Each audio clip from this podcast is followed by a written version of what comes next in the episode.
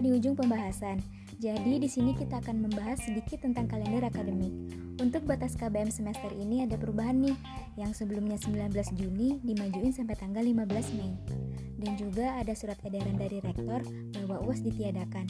Dan nilai sebagai pengganti UAS mungkin bisa diganti dengan tugas sesuai dengan kebijakan masing-masing dosen. Dan untuk pengumuman nilai juga batas KHS akan diumumin pada tanggal 6 Juni. Jadi siap-siap aja ya nerima IPK sebagai pengganti uang lebaran kalian. Hehe. Kemudian, untuk pelaksanaan semester antara nih akan dilaksanakan secara online pada tanggal 8 Juni sampai dengan 3 Juli 2020.